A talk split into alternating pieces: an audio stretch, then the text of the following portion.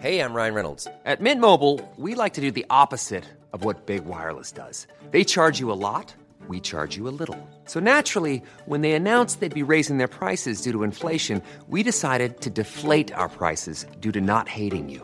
That's right. We're cutting the price of Mint Unlimited from $30 a month to just $15 a month. Give it a try at mintmobile.com slash switch. $45 upfront for three months plus taxes and fees. Promo rate for new customers for limited time. Unlimited more than 40 gigabytes per month. Slows. Full terms at mintmobile.com.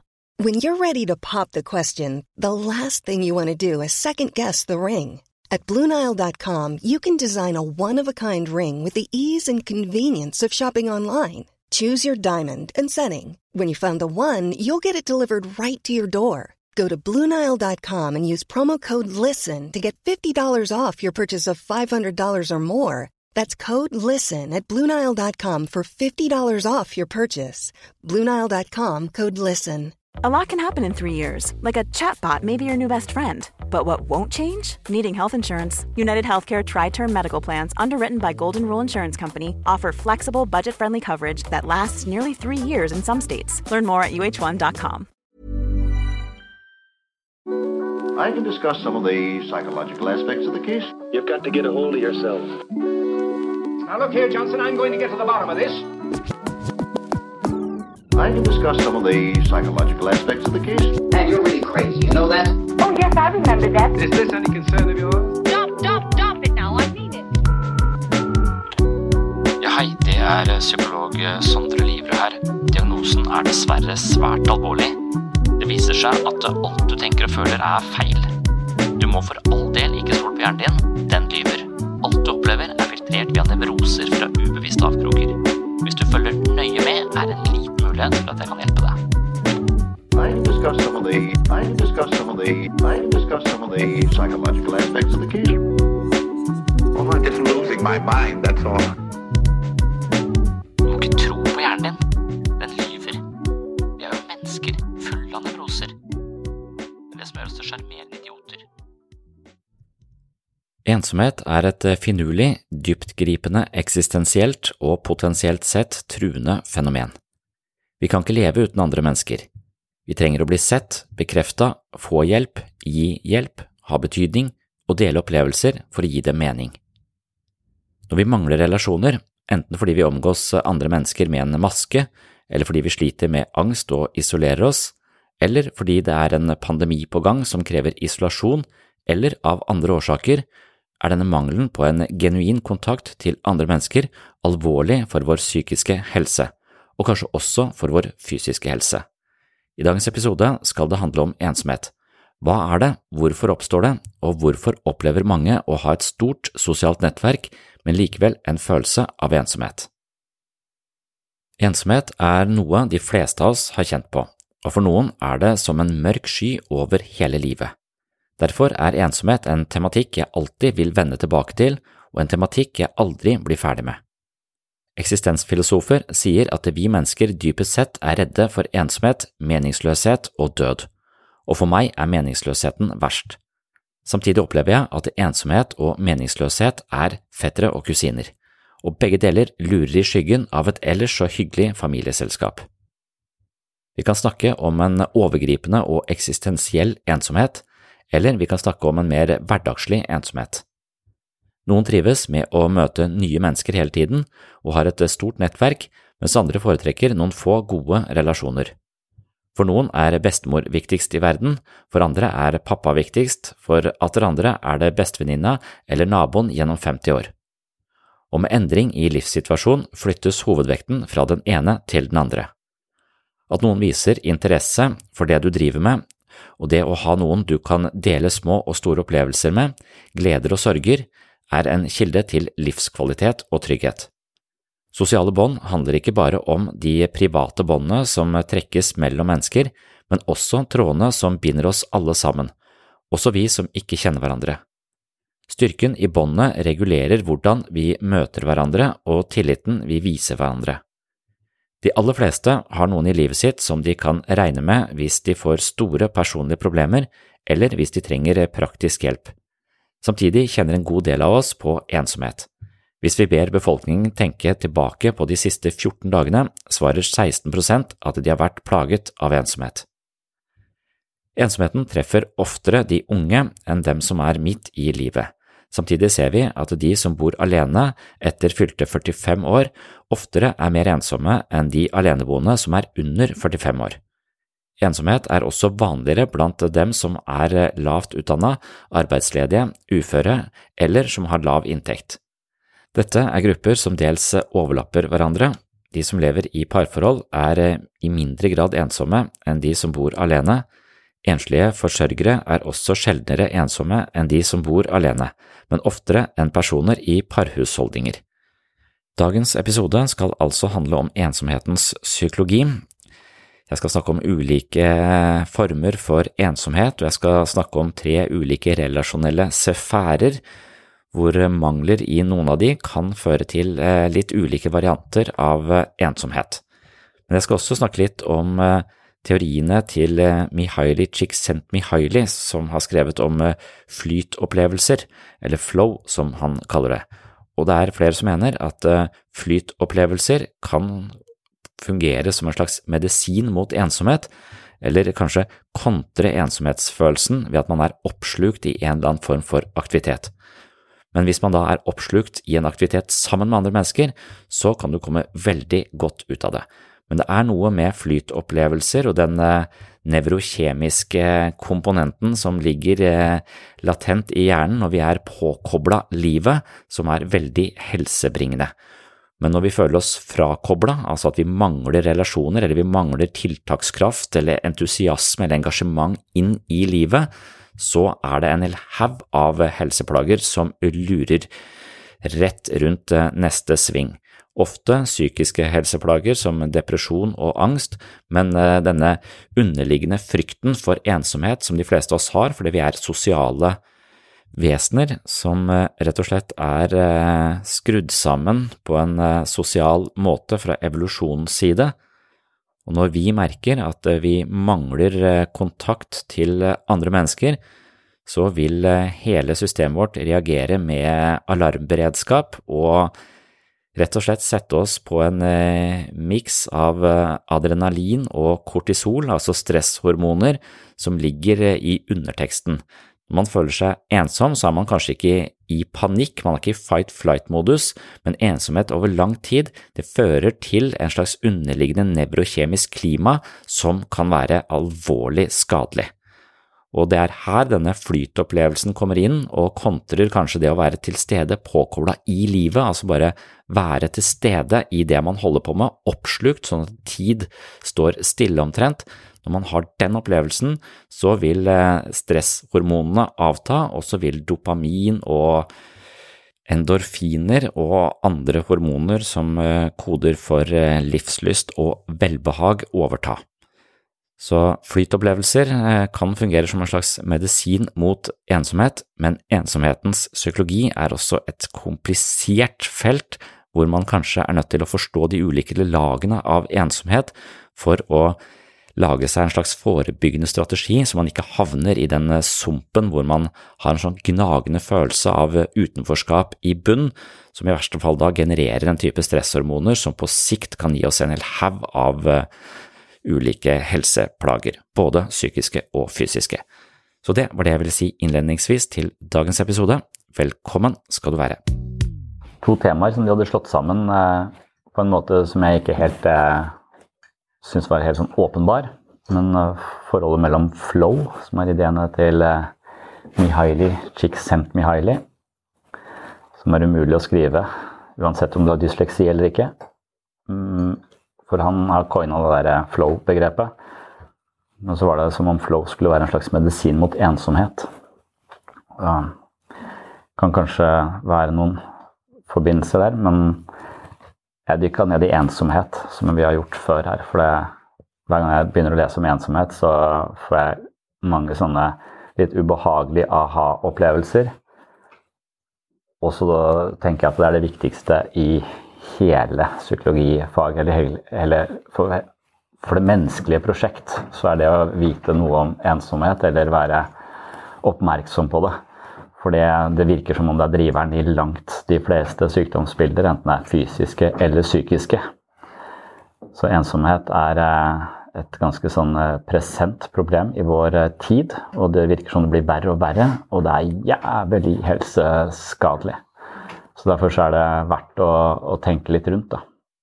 Og Grunnen til at det er så helseskadelig, det er litt på samme måte som dette stresskonseptet. At eh, det kan virke som om vi evolusjonært sett har noen algoritmer som koder for eh, eh, å være sammen, fordi det er vår nisje å samarbeide. Og det er måten vi samarbeider på som sørger for vår overlevelse på sett og vis. At vi kan stå ganske sterkt i møte med ytre fiender. Så steinalder Mennesket måtte være del av en flokk for å overleve. Og Da kunne de samle mat sammen, og så kunne noen passe på maten eller passe på leiren mens de sov. Så kunne de bytte på det, og så kunne de være trygge når du sov osv. Men hvis du var uh, aleine, så kunne du bli angrepet av sabeltigre på, på, natta hvis ikke du hadde noe vakthold og sånn. Så jeg tror hele den der uh, kollektive historien vår sørger for at vi har noen tilbøyeligheter som gjør at det det å ikke føle tilhørighet reagerer kroppen på med en type alarmberedskap. Og da tror jeg nivået av kortisol og adrenalin igjen ligger for høyt. Og ikke sånn at vi tenker på ensomhet som en sånn akutt panikkaktig ting. Jeg tror kanskje noen får det som en, at det kan være en ingrediens i panikklidelser ofte. Eh, en sånn overveldende følelse av ensomhet eller, eh, eller meningsløshet, kanskje, som jeg tror er eh, fetter og kusiner, nesten. Eh, mens, eh, men, jeg, men, jeg, tror hvis man er ensom, eh, så er det ikke sikkert man definerer seg som ensom engang. Men jeg tror likevel at det, i underteksten så ligger det en slags stilltiende alarmberedskap som er for høy over for lang tid. Så vi går på en måte rundt med det, og det gir oss mageproblemer. Det gir oss alle de negative helse helsekonsekvensene som vi har sett på ved stress. Så jeg tror det er den samme nevrokjemien fordi vi rett og slett sånn evolusjonært sett eh, assosierer ensomhet med å dø. Altså utestengelse fra flokken er livsfarlig. Så Derfor så var den strengeste straffen man kunne få i mange samfunn, var eh, eksil, bli bannlyst, utestengt. Det å være utestengt fra fellesskapet var det samme som en type døds, eh, dødsstraff. Og da viser det seg at eh, altså, sjansen for en for tidlig død Ta de statistikkene som er helt eh, Sjansen for for tidlig død når det gjelder ensomhet, er 50 eh, høyere. Så en psykolog som heter Julian Holt Lundstad, hun eh, har sagt at det er like helseskadelig å være ensom som å røyke 15 sigaretter om dagen. Så hvis du føler deg ensom og røyker, så ligger du dårlig, dårlig an. Så ensomme mennesker har 32% større risiko for slag, 29% mer utsatt for hjerteinfarkt, 64 større risiko for å utvikle demens. Så her er det et eller annet med den der eh, manglende tilhørigheten som har alvorlige helsekonsekvenser i bånn. Og så må vi snakke om hva slags relasjoner er det, er det vi som, er som, som gir oss bedre helse. Jeg føler heller ikke at ensomhet er en sånn eksplisitt følelse hos meg, men jeg kan også sjekke av på de punktene noen ganger, og så se, men så ser jeg at jeg har noe som veier opp. Så det er kanskje derfor jeg tenkte at følelsen uh, uteblir. Men jeg tror ensomhet er sånn stilltiende på en eller annen måte. At du må liksom leie sånn Litt sånn som å være kvalm noen ganger. Det syns jeg av og til ikke er en følelse, men en antifølelse. Jeg har ikke noen følelse av å være noe, jeg har bare en følelse av at det er et eller annet som ikke er der. Og det er det som oppleves som kvalme. Det er sånn, en variant av kvalme har jeg en det motsatte av en følelse. Jeg føler ingenting. Og det er det som er så weird. Og da tenker jeg nå er jeg kvalm. Altså, jeg, jeg, vet ikke, men det er, det er, kanskje bare jeg som har det sånn med kvalme, men det er en, det er en antifølelse hos meg. En antikroppslig følelse. Men, men det er en som heter Vivek Murthy, som har skrevet 'Together'. Han var uh, som fagansvarlig for uh, offentlig helsevesenet i USA. Han, uh, han snakker om tre typer av ensomhet som kanskje kan sette oss litt på sporet av hva er hva er det vi eh, ser etter, og, og, hvor er det disse negative helseeffektene dukker opp. Og I hans bok så står det at 22 eh, av amerikanere rapporterer å være sosialt isolerte og utenfor alene. En fjerdedel av populasjonen i Australia.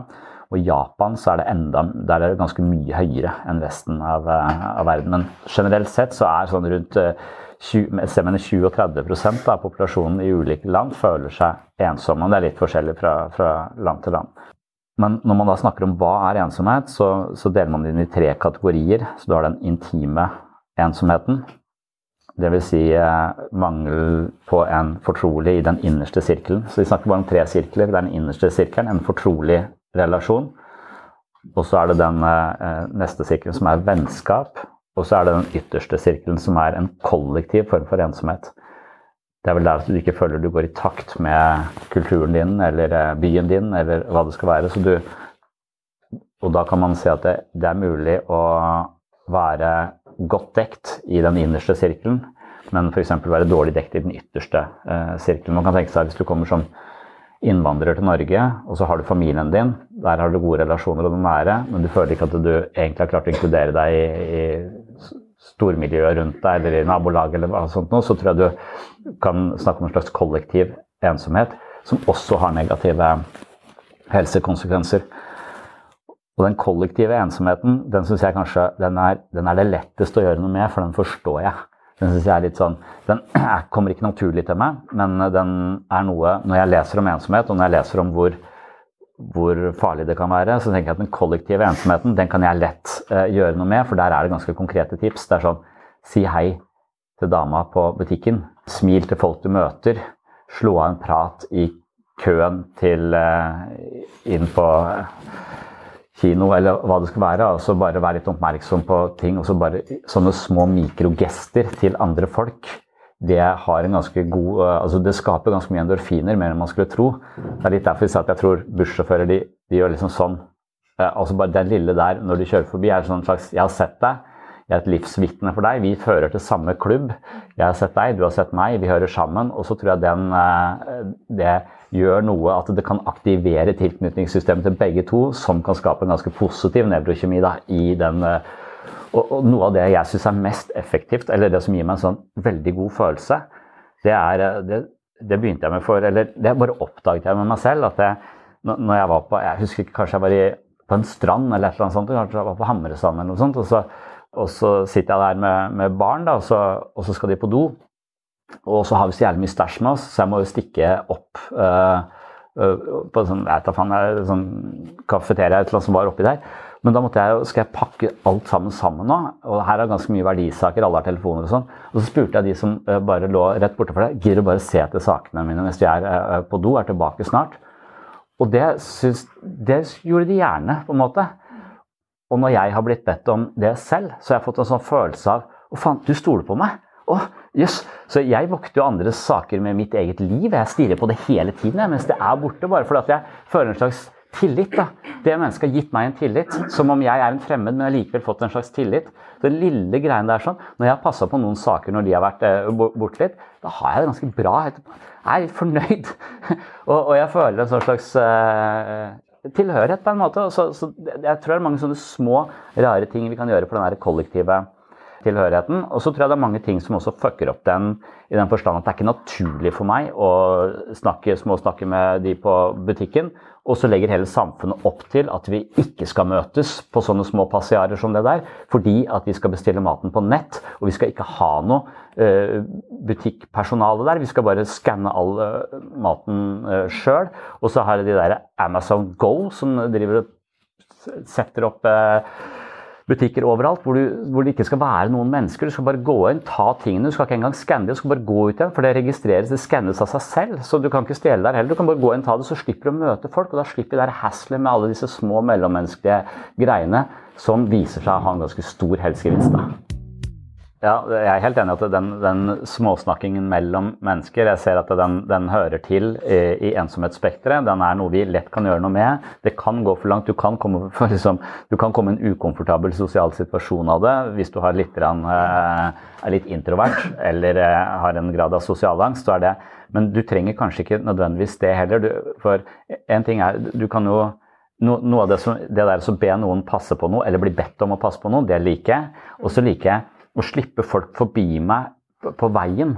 Eller sånn eh, Hvis jeg er snill mot noen andre i trafikken, så føler jeg meg jævlig bra. Og særlig når de da vinker. Tommel opp, liksom. Du slapp meg ut, da slapp jeg å stå her og vente dritlenge. Eh, og, så, og det gir meg en ekstremt god følelse. Og når folk ikke gjør det, så får jeg lyst til å drepe noen. så, så, der har jeg både det beste og det verste. Altså, det veld, og det er veldig tett på. Så, men da mener jeg hvis jeg klarer å oppføre meg ordentlig i trafikken, og på en måte, så er det også sånne små gester som får meg til å føle en slags tilhørighet. Og ja, jeg er med i den altså, vi, vi, liker, vi kjenner hverandre ikke, men vi har likevel gjort noe for hverandre. Og i dag gjorde jeg noe helt sykt. Det tror jeg er nesten liksom antisosialt. men men når jeg kjører eh, til jobb, så kjører jeg liksom ned en bratt bakke, og så kommer jeg til en rundkjøring hvor folk kjører inn til UiA. Og de begynner klokka åtte, og jeg begynner klokka åtte. Og da er det en sånn kjempelang kø. Og da kommer ikke jeg inn. Jeg kommer ikke inn i rundkjøringa, for de står i kø. Uh, altså De kommer ikke inn på parkeringsplassen, de står i kø for å komme inn på en parkeringsplass litt lenger borte her. De, og jeg kommer ikke inn. Og de slipper ikke meg ut. Og det hadde ikke kosta dem noe som helst å bare slippe noen ut, for de, vi skal uansett inn i tunnelen andre veien enn de skal. Og de må uansett stå der og vente, men så sperrer de. Da blir jeg eh, eh, forbanna.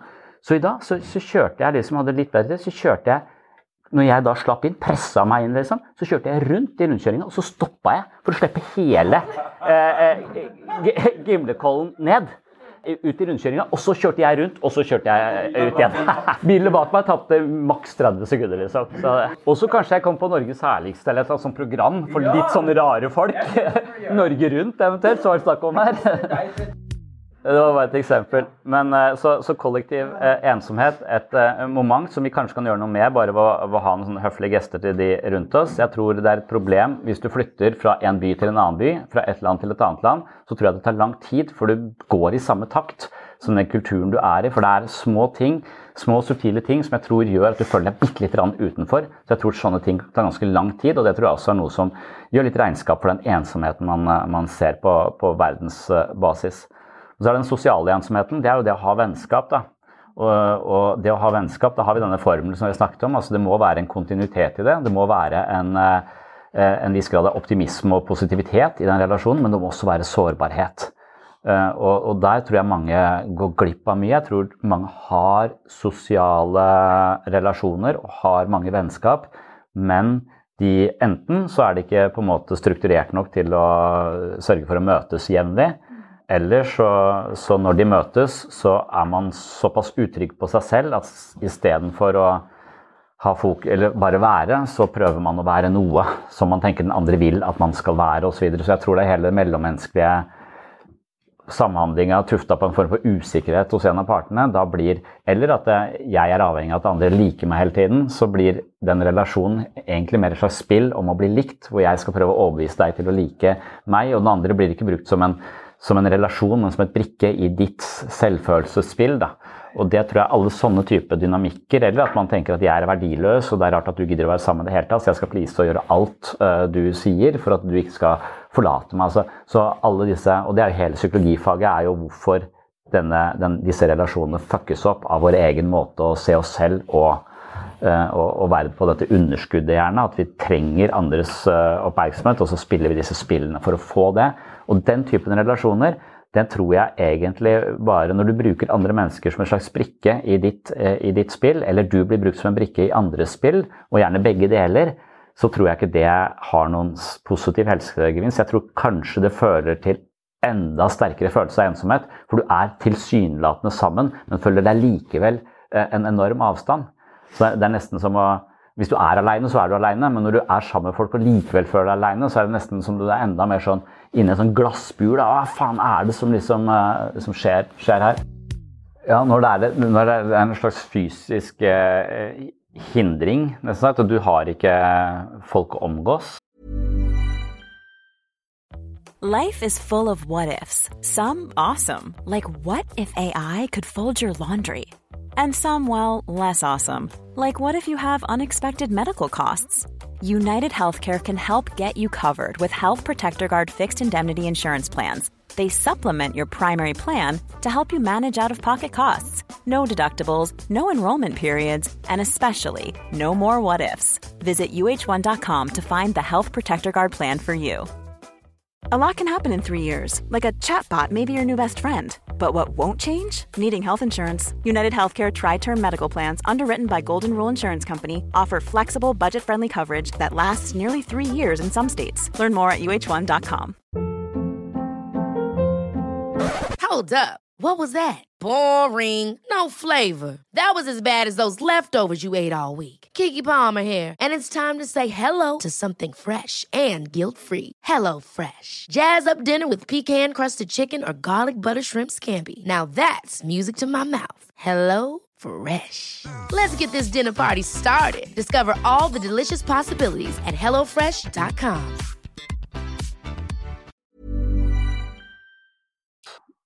For jeg ville si at det, sosial ensomhet uh, for mitt vedkommende Det er vanskelig. Venner er det vanskeligste for meg fordi jeg er såpass høy på introversjon at jeg ikke egentlig prioriterer det.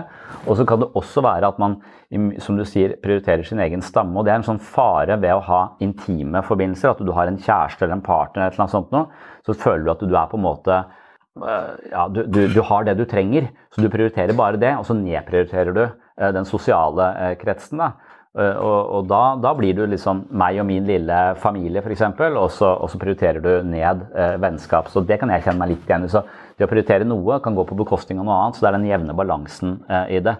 Men jeg mener at den sosiale ensomheten, den derre vennskapstingen, det er nok kjempevanskelig for mange, fordi at du er ikke det er ikke strukturer som nødvendigvis legger til rette for det. Så hvor finner man en venn, har jo vært mitt spørsmål når jeg kommer til en ny eh, by. Hvor, hvor er det disse vennene eh, er hen? Og så var jeg oppe og presta i skole med barna mine, og så sa jeg her er den benken du skal sitte på hvis du ikke har noen venner. Eh, vennebenken. Og så, det sånn, ja. så, så, det er de som er ledige, kan man si. da. Men, men, men hele den strukturen Så, så jeg tenker at jeg har aldri vært så sosial som når jeg har meldt meg inn i en eller annen forening som hater noen andre. Eh, det er, det, mest, det er jo det mest eh, sosiale du kan Så hvis du er en som blir nynazist, er jo et, eh, et, et tips. For at der er det veldig godt samhold og tilhørighet, og de passer godt på, på hverandre. Det, det, jeg prøver å si, er at jeg aldri har hatt noen ordentlige venner. Noen man liksom bare kan spørre om de vil bli med på shuffleboard. Mm shuffleboard, liksom. Ja. Det føles som at ingen ser meg. Kjenner meg ikke verdt noe og har ikke noe mål eller mening med livet. Hva, hva kan jeg gjøre? Hm. Du uh, har ikke vurdert å bli nazist?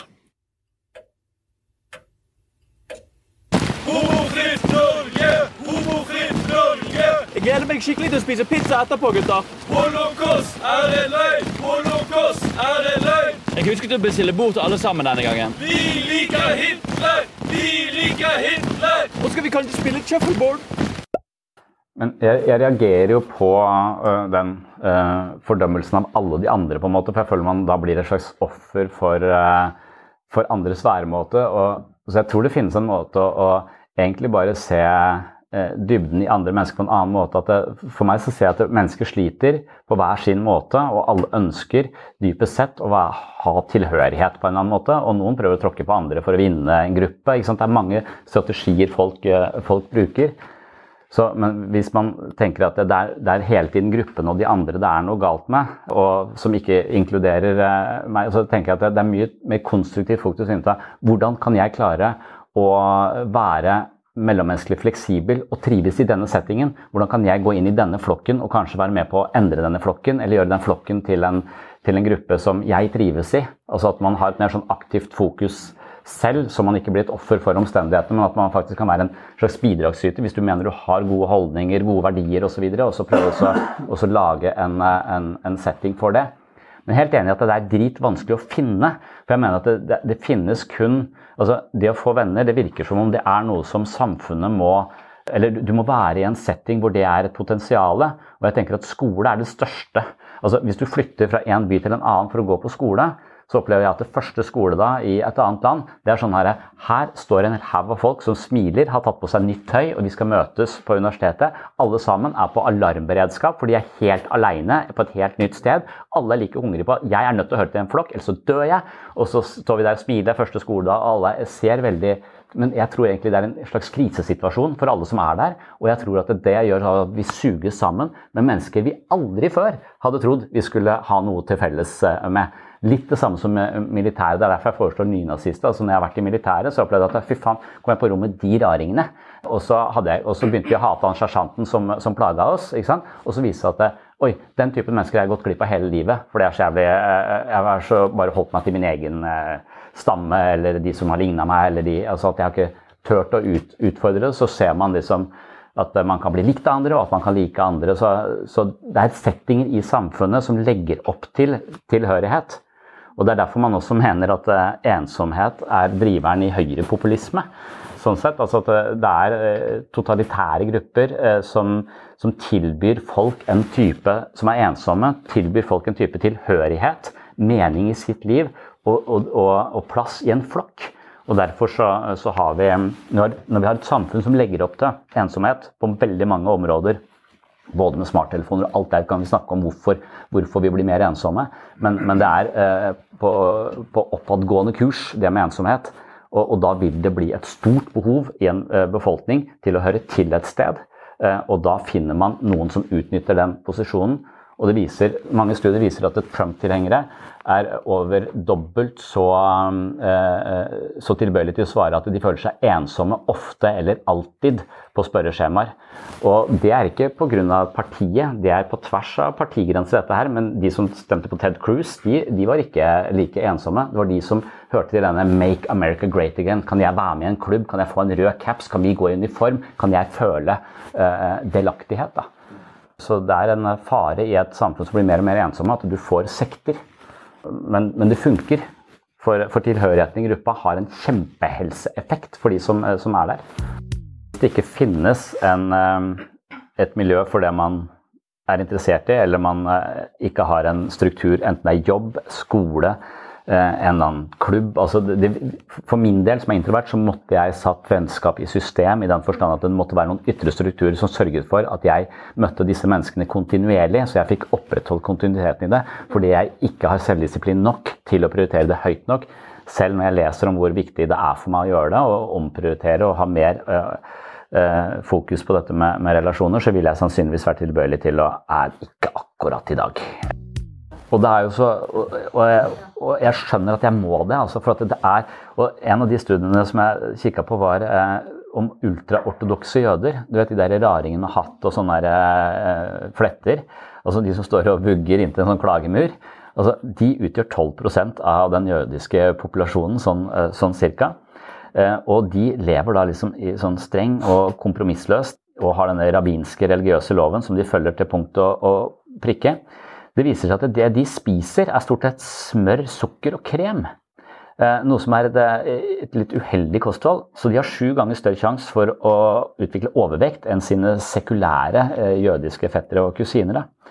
Og 54% av ultraortodokse jøder lever under fattigdomsgrensa. Over halvparten av de lever under fattigdomsgrensa. Så her har du en sånn sosiokulturell status som er ganske lav. Dette her er en gruppering som, ut, som burde være utsatt for veldig mange helseskader.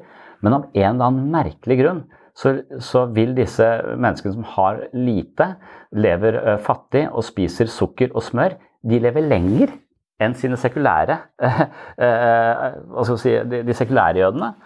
Og det er veldig, veldig merkelig. Og når forskerne ser på det, så mener de at svaret er det sterke sosiale båndet. Hvor, hvor de, altså de ber sammen, de holder seremonier, de hjelper hverandre med barnepass. De har sånne ordninger med barnepass. Og de deler også økonomi. Så hvis noen har lite, så deler de med seg. Så de har sånn ekstremt sterkt samhold. da. Og Det er derfor jeg mener at nynazisme er en, en, løsning. Men problemet er at det der er bedre med en sånn gruppe som har litt andre verdier. For for, for, her er det litt i å ta. Altså, hvis du har en veldig sånn inngruppedynamikk, så vil du også ofte få en leder og noen dogmer og noe faenskap du må følge. Noen rare ideer om at de skal bare spise sukker og smør. De hadde sikkert levd til 120 de der, hvis de hadde begynt å øh, spise noe, noen gulrøtter. liksom. Altså, Den øh, negative helseeffekten ved det dårlige kostholdet den kontres av det sterke sosiale båndet. På en eller annen måte, Noe som bare tydeliggjør hvor viktig det, det der er.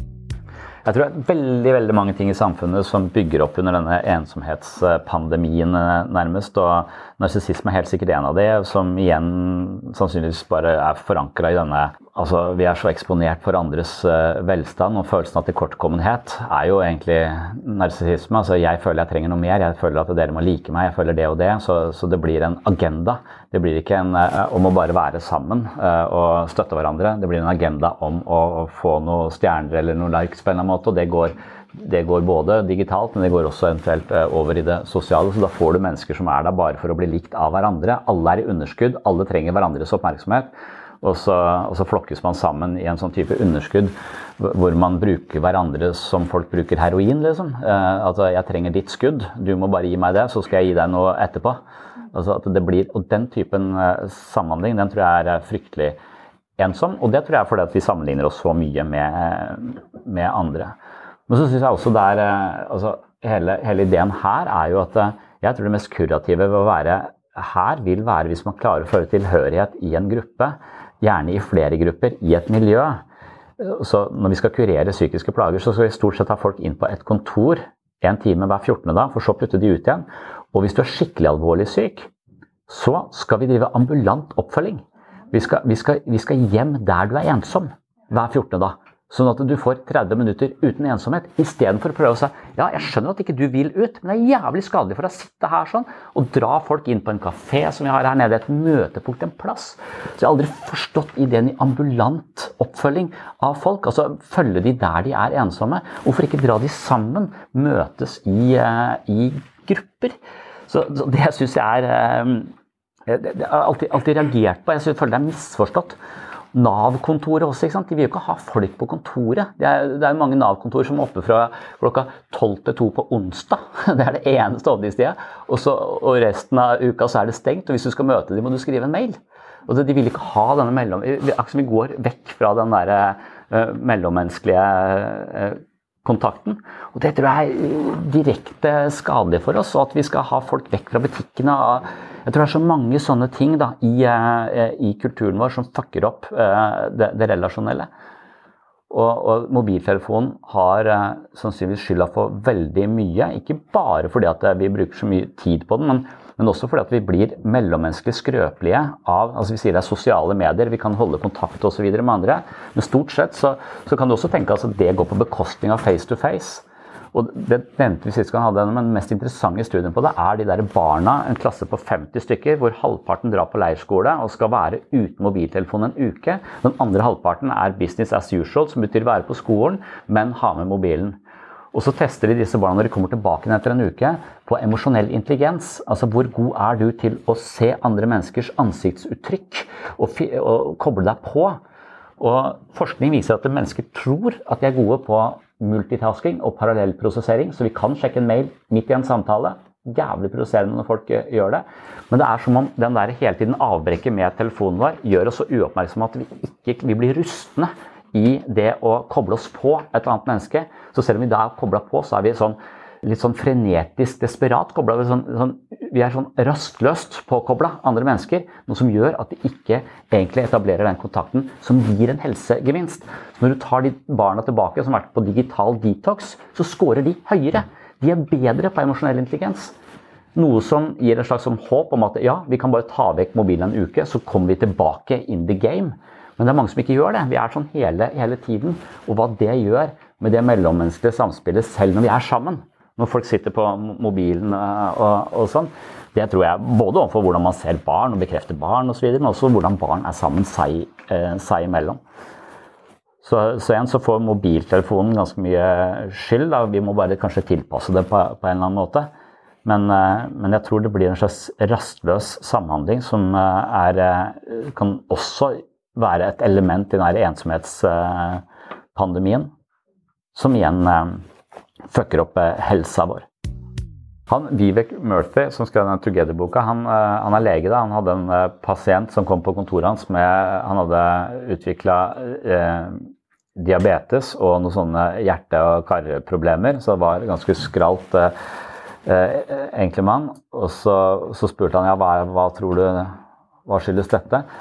Nei, jeg, før så hadde jeg det ganske bra. Jeg var baker osv. Og, så og så skjedde en katastrofe i livet mitt. Jeg vant i Lotto. Uh, og det var katastrofen. som er liksom sånn, Det er paradoksalt, det høres ut som noe folk uh, ønsker seg. Men for han så var det da livet gikk i stykker. For han fikk så mye penger at han ikke trengte å jobbe. Sa opp jobben, mista den nære forholdet til kollegaer, skulle ut og reise, oppleve verden. Flytta hit og dit. Men alle de connectionene han hadde hatt som holdt, han liksom, som holdt ensomheten avstand, da, som følte seg tilhørig og hadde nære relasjoner, de forsvant sånn langsomt. Og så mener han at han nå sitter eh, igjen med de helsekonsekvensene den der alarmberedskapen. Han føler ikke han hører til noe sted. Han har masse penger, og kan gjøre hva han vil, men det gir han en ræva eh, helse. Det er ikke interessant at det var det å bli eh, mangemillionær som var eh, den største eh, katastrofen som, som, hadde skjedd han. Men, men, da tenker jeg da har han hørt om den fine ordningen vi har fått i vårt moderne samfunn. for at det, det å ha et vennskap det krever masse investering, det krever kontinuitet osv. Og, så og moderne mennesker har ofte ikke tid til det. Så da kan de bare gå inn på uh, rentafriend.com.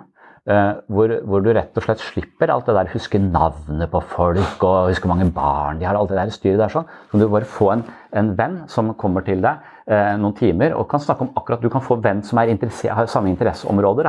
Så, så, du bestiller dette. Og det her er vanligere og vanligere. altså Rent a friend. 40 dollar kosta det for to timer uh, med en, en fyr som skulle være interessert i sjakk. Jeg bare sjekka det for, for, i dag. så Rent a friend det er i USA, da, så jeg, jeg, vet ikke om det er en norsk eh, variant. Men det, er liksom utvikla et marked for en slags sosial prostitusjon. Hvor de som ikke har eh, tid til å opprettholde vennskapsforhold, og de som bor i byer, de er 50% bor aleine. Og, og, og, er så, så, da tenker jeg han, han bakeren som hadde et godt miljø og møtte folka sine hver dag og bakte brød og, og sånn, han kunne bare leid en venn Altså, bare hele ideen skjønner du at det er liksom Det er nettopp Det vil bare forsterke den jævla ensomheten, vil det ikke det? Og så bare liksom Du er her for å snakke med meg om noe som er interessant, så skal du gå igjen. Altså, det, det er som å Ja.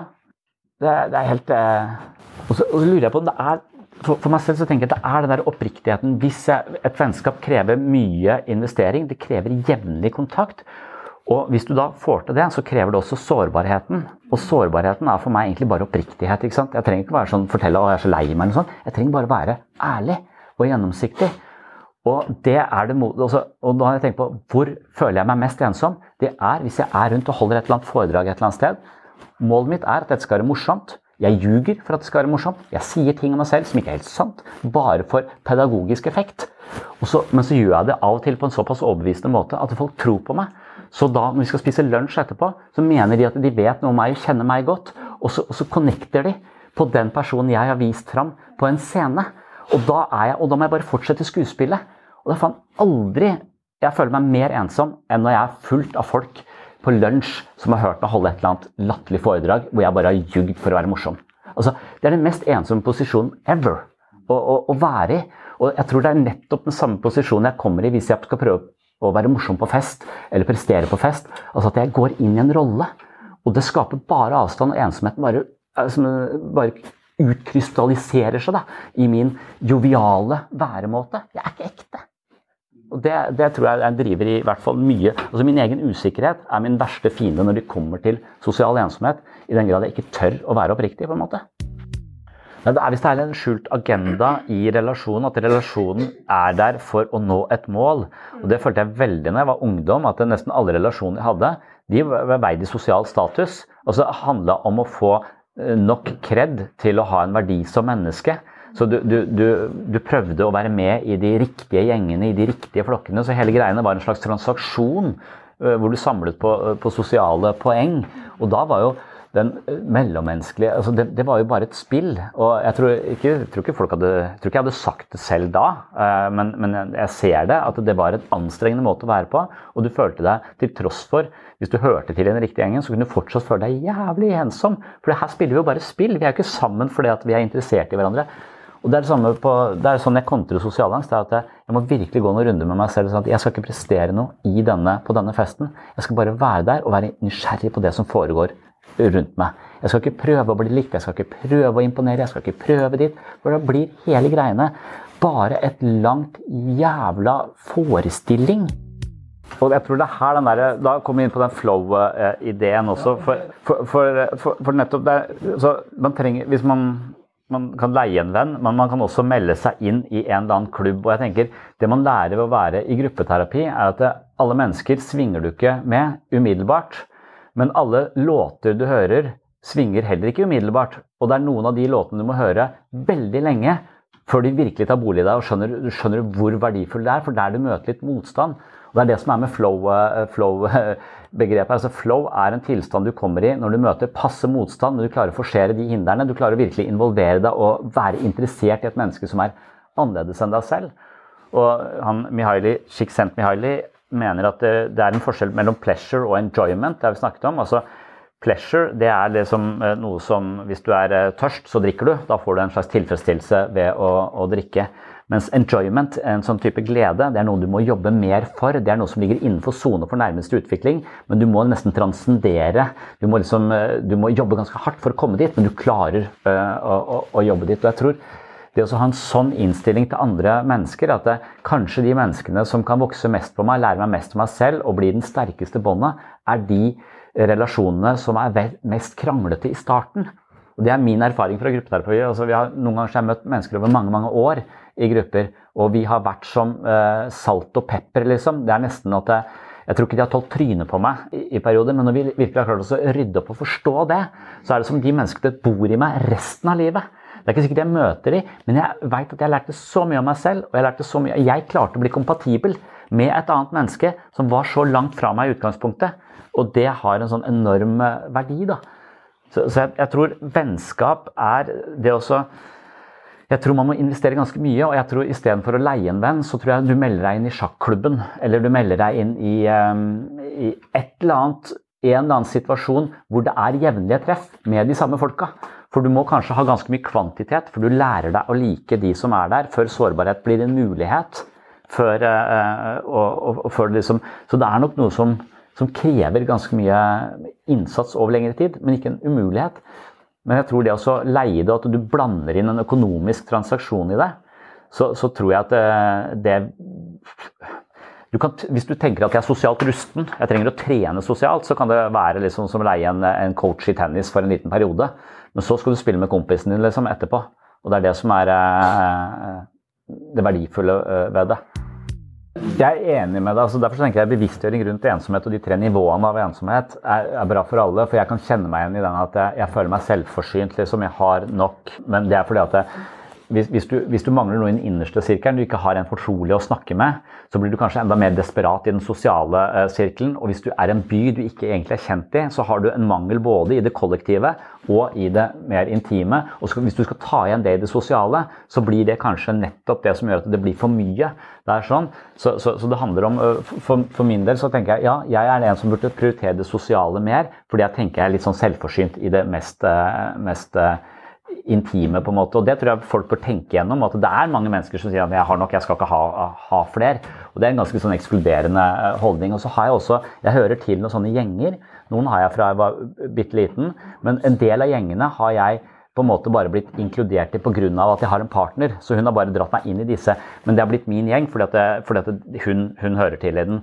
Men der registrerer jeg at de har også kjent hverandre veldig lenge. Men det er tre stykker som har kommet fra andre steder av landet, som har prioritert denne gjengen høyt. Jeg er litt sånn jeg er liksom gratispassasjer, føler jeg. Jeg prioriterer ikke så høyt, jeg bare blir dratt med, og så går det av seg selv. altså Litt flaks.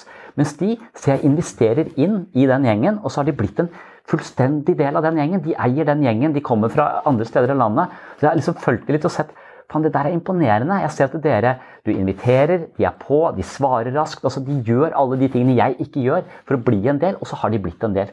De er en naturlig del av dette, dette fellesskapet. og det, det, har jeg Voksne mennesker som klarer å inkludere seg i en vennegjeng utenfor arbeidslivet. Jeg har sett tre stykker i en sånn gjeng. jeg har hørt Det er vanvittig fascinerende. Men hvis man skal forsvare de som ikke investerer tid altså Det er ikke nødvendigvis fordi jeg er selvforsynt. Jeg ser mer på det som at jeg La oss si jeg røyker, da. Så jeg ser mer på det som en sånn ting jeg bare gjør selv om jeg veit det er usunt.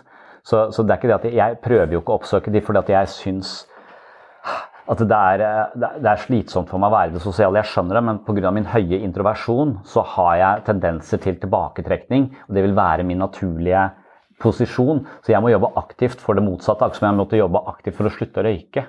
Så det er ikke det at jeg nødvendigvis eh, tenker at jeg trenger ikke flere, eller noe sånt, men at jeg, jeg ikke makter det sosiale, å løfte de, de sosiale vektene i den grad at jeg har eh, Jeg føler meg bare sosialt svak, på en måte. Men det, det du sier der, for Vi snakket om det tidligere da, i gruppeterapi, så fikk jeg nesten en sånn slags følelse at, at den som får mest ut av gruppeterapi, er meg.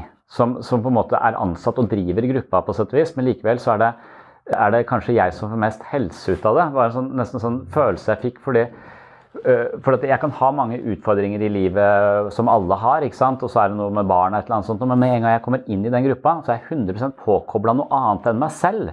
Uh, Og jeg holder fokus på det, og jeg er også genuint nysgjerrig i det. Da. Det er kanskje derfor jeg også får så mye uh, sosiale inputs, for jeg er så konsentrert fra klokka halv ni til ti hver eneste dag. Så er jeg på en måte, og da, og jeg, Av og til så sitter jeg i bilen og kanskje du nesten griner. ikke sant? Det er helt jævlig, og det er ting du, og så, så vet jeg at jeg, men klokka halv ni da kommer jeg til å skru på mitt fokus på noe annet enn meg selv. Og når jeg da går ut derfra, så er det som jeg har restituert på en måte. At jeg har klart å beholde fokus på noe annet enn meg selv. Og da har jeg fått et slags relieff på de problemene jeg har. Da, sånn at det er lettere å håndtere klokka tolv enn det var klokka, klokka åtte. Og det liksom virkelig da investere konsentrasjon i andre mennesker og, og tenke at det er en viktig ting. Det tror jeg er ekstremt helsebringende. Så da, Hvis jeg skulle sitte her og snakke om meg og mine problemer, så lurer jeg på om jeg har fått mer problemer enn hvis jeg er der og bare er dypt interessert i andre mennesker. Så plutselig så begynte jeg å lure på om gruppeterapi egentlig er mest helsebringende for meg. Og ikke for de som sitter og snakker om sine utfordringer. Og det var jeg litt, eh, men, men heldigvis er gruppeterapi sånn at de aller fleste sitter der, sånn som meg. Fordi de er interessert i de andre, i fellesskapet. Så, så Derfor så tror jeg den helseeffekten som jeg får, også vil smitte av på de andre som sitter i gruppa, er genuint opptatt av åssen går det med med Andreas eh, siden forrige gang. Altså, hvordan opplever vi, vi hverandre? Også at den største helsen vi henter der, er nettopp i det å av og til komme litt ut av sin egen navle også, på en måte. Og, og virkelig bare investere et, et annet sted. Og så har det gitt det tryggheten, for når jeg gikk inn i grupperommet i starten, så gikk jeg jo bare inn der for å prestere. Jeg var bare opptatt av hva jeg skulle si eh, som, på en måte hadde en verdi for noen andre mennesker. Jeg var jo opptatt av å være viktig for andre mennesker, men jeg var opptatt av å være viktig for min egen del, ikke for dens del. Så, så det å være genuint interessert i den andre uten å ha den egenagendaen i det, det er nok det som, eh, som er der, der det oppstår nære bånd. Hvor, hvor folk virkelig berører meg, på en måte. Men det gir en veldig opplevelse av det du sier, for du sier det veldig sterkt, og det gir gjenklang i de fleste mennesker. det du sier også. Alle har vært der, tror jeg. Så selv om du tenker at jeg er selvforsynt, så har jeg også vært i en, jeg mener, en slags sosialt desperat situasjon når jeg flytta til et annet land og føler at jeg er helt ensom. Og da, når jeg blir helt ensom, så blir, også, blir ting totalt meningsløst for meg. Så depresjon er veldig nær. Og, og da er jeg nesten sånn desperat etter å komme i kontakt med andre, andre mennesker. Og så har jeg hatt flaks i at det var i da en by ved en skole hvor andre var like desperate som meg. Så, øh, så, så vi bare vi, vi, vi flokka sammen, og det ble Og jeg klarte å beholde det som en, som en sterkt bånd. Men hvis jeg der hadde bare gått med dette enorme behovet for å bli sett, for å bli høre til, for å ha et livsvitne, en som visste hva jeg het og hvor jeg bodde, og som jeg visste hvor jeg het og bodde, hvis jeg ikke hadde hatt det, så hadde jeg følt at jeg faller fritt. Så, så jeg skjønner at det er en enormt forferdelig posisjon å være i, og du uttrykker det på en veldig fin måte. Takk for at du hører på Sinnsyn. Hvis du vil ha mer sinnssyn hver eneste uke, så kan du laste ned appen min.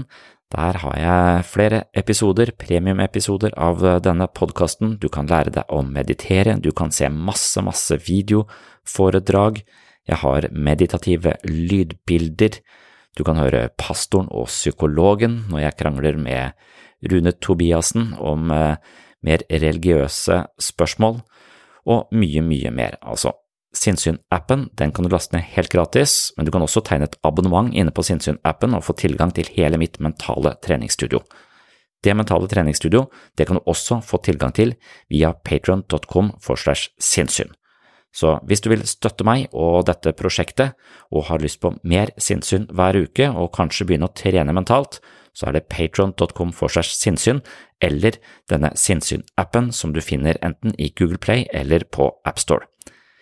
I tillegg så er det nå mulig å støtte meg via Acast Pluss hvis du vil ha denne podkasten uten reklame, og få noen ekstra episoder hver uke som du ikke finner noe annet sted, egentlig så kan du tegne et abonnement på Acast Pluss, så får du da en egen feed hvor du får denne podkasten helt reklamefritt, samt da ekstra bonusepisoder hver måned. Så nå er det flere muligheter for å støtte mitt prosjekt, og det er lyttere som velger å støtte prosjektet, som sørger for at lyset er på her inne på sinnssyn uke etter uke, måned etter måned, år etter år. Så tusen hjertelig takk til deg som støtter dette prosjektet. Hvis du vil støtte meg på andre måter, så er eh, gode skussmål i iTunes eh, av stor verdi. Og hvis du hører på denne podkasten via min app, altså Sinnsyn-appen, og som sagt så kan alle laste ned denne appen helt gratis og høre på denne podkasten via den appen, og du får også en del ekstramateriale der uten å betale noe som helst, så last ned appen. Men hvis du nå har lasta ned appen og liker den appen, så er det også veldig verdifullt hvis du gidder å rate den i eh, AppStore. Det er eh, ratinger i AppStore som gjør at den appen eh, enten blir synlig eller ikke synlig. Så for at jeg skal bli sett mer i Apple-butikken, at de skal putte meg på en eller annen hylle hvor jeg faktisk er synlig, så trenger jeg at uh, du som liker sinnssyn, rater den appen, gir den mange stjerner og gjerne en tilbakemelding. Det betyr veldig mye. Så da tror jeg jeg avslutter uh, for uh, i dag. Håper at du henger med i neste episode, og så håper jeg også at du laster ned appen eller går inn på Patron eller tegner et abonnement på Acast pluss, selvfølgelig. Takk for nå. Oh, I'm just losing my mind, that's all.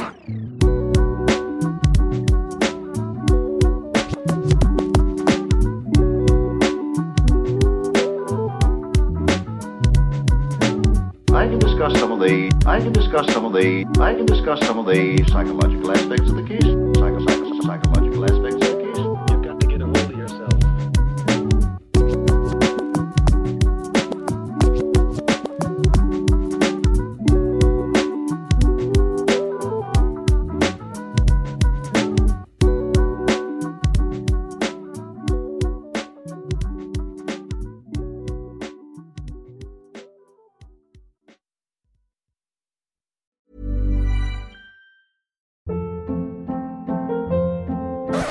Hold up. What was that? Boring. No flavor. That was as bad as those leftovers you ate all week. Kiki Palmer here, and it's time to say hello to something fresh and guilt-free. Hello Fresh. Jazz up dinner with pecan-crusted chicken or garlic butter shrimp scampi. Now that's music to my mouth. Hello Fresh. Let's get this dinner party started. Discover all the delicious possibilities at hellofresh.com.